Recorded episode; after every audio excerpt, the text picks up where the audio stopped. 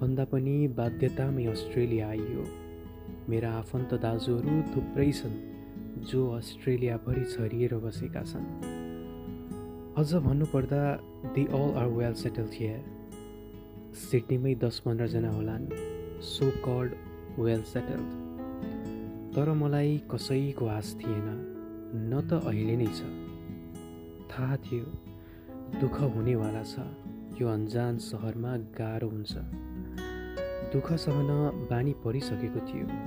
पर नेपालदेखि नै त्यसैले दुःख र सङ्घर्षको लागि तयारै थिएँ। सङ्घर्षका दिनहरू सुरु भए अस्ट्रेलिया ओर्लेदेखि नै महँगो युनिभर्सिटीको चर्को शुल्क कसरी जम्मा गर्नु? यहाँ काम नगरी खान पाइँदैन। कामको लागि एक दुईजना दाईलाई खबर गरेँ। तर विश्वास गर्नुहोस्। कामको कुरा यहाँ कसैले नाइ भन्दैनन्। कि त अस्ति भर्खर अर्कैलाई भने भन्ने रिप्लाई आउँछ। कि त म हेर्छु। हो। मलाई पनि त्यही आयो। दुई महिना त काम नै नगरी बिताएँ। कलेज पनि पाँच दिन थियो। तैपनि आत्तिएको पटक्कै थिइनँ मनमा जहिल्यै आत्मबल भइराख्थ्यो। म सक्छु भन्ने भावना हरदम साथैमा हुन्थ्यो। खान लाउन नपाए नेपालै फर्किन्छु तर गलत बाटोमा जान्न भन्ने अठोट सधैँ मनमा राख्छु जो अहिले पनि छ मनभित्र नै। दुई महिनापछि हप्ताको दुई दिन काम गर्थेँ फङ्सन वेटरको। प्राय स्याटरडे सन्डे मात्र गर्थे। पे हाई भएकाले। यो क्रम छ महिनासम्म चल्यो। दुई दिन काम गरेर दुई सय साढे दुई सय डलर हुन्थ्यो। जुन कोठा भाडा र ओपललाई नै पुग नपुग हुन्थ्यो। सात महिना म लिभिङ रुममा त्यो पनि ढल्केको सोफामा सुतेँ। लभ थियो त्यही सोफामा रातभर बिहानै हुने गरी कुरा गर्थे। निद्रा पनि कहिल्यै पुर्याइन अस्ट्रेलिया आएको दुई महिनापछि एउटा ठुलो कम्पनीमा ख्याल ख्यालै अप्लाई गरेको थिएँ।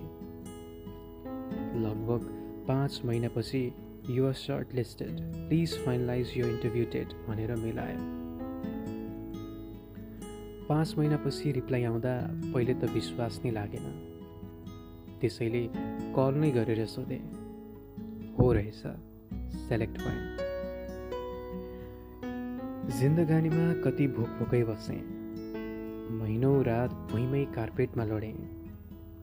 किताबको ब्यागलाई नै सिरानी बनाएर महिनौ सुतेँ। आफ्नैले कति पैसा खाइदिए। कतिले औकात देखाएर हिँडे। कैयौँ पटक डिप्रेसन जस्तो नि भयो। भाँसिँदै पनि गएकै हो। तर हिम्मत हारेर हरेस भने कहिल्यै खाइन। कसैलाई तितो पनि भनिन र दुःख पनि देखाइन। अरूको अगाडि दयाको पात्र? अह कहिल्यै भएर बाँचिन। अब यसलाई व्याख्या गर्यो भने लामो हुन्छ।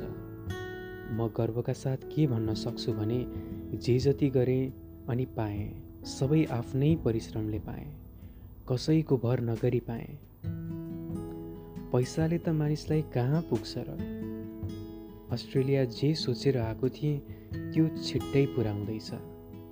पैसा कमाउने भन्दा पनि बाबुआमालाई घुमाउने ठुलो सपना थियो। बस।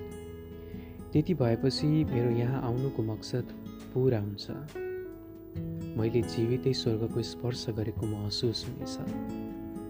मैले यहाँ गरेको सङ्घर्ष सम्झेर त्यस दिन फेरि एकपटक जन्म हुँदा चाहिँ रुनेछु मेरो आमाको काखमा बसेर। जुन दिन आमा बाबु यहाँ आउनुहुनेछ।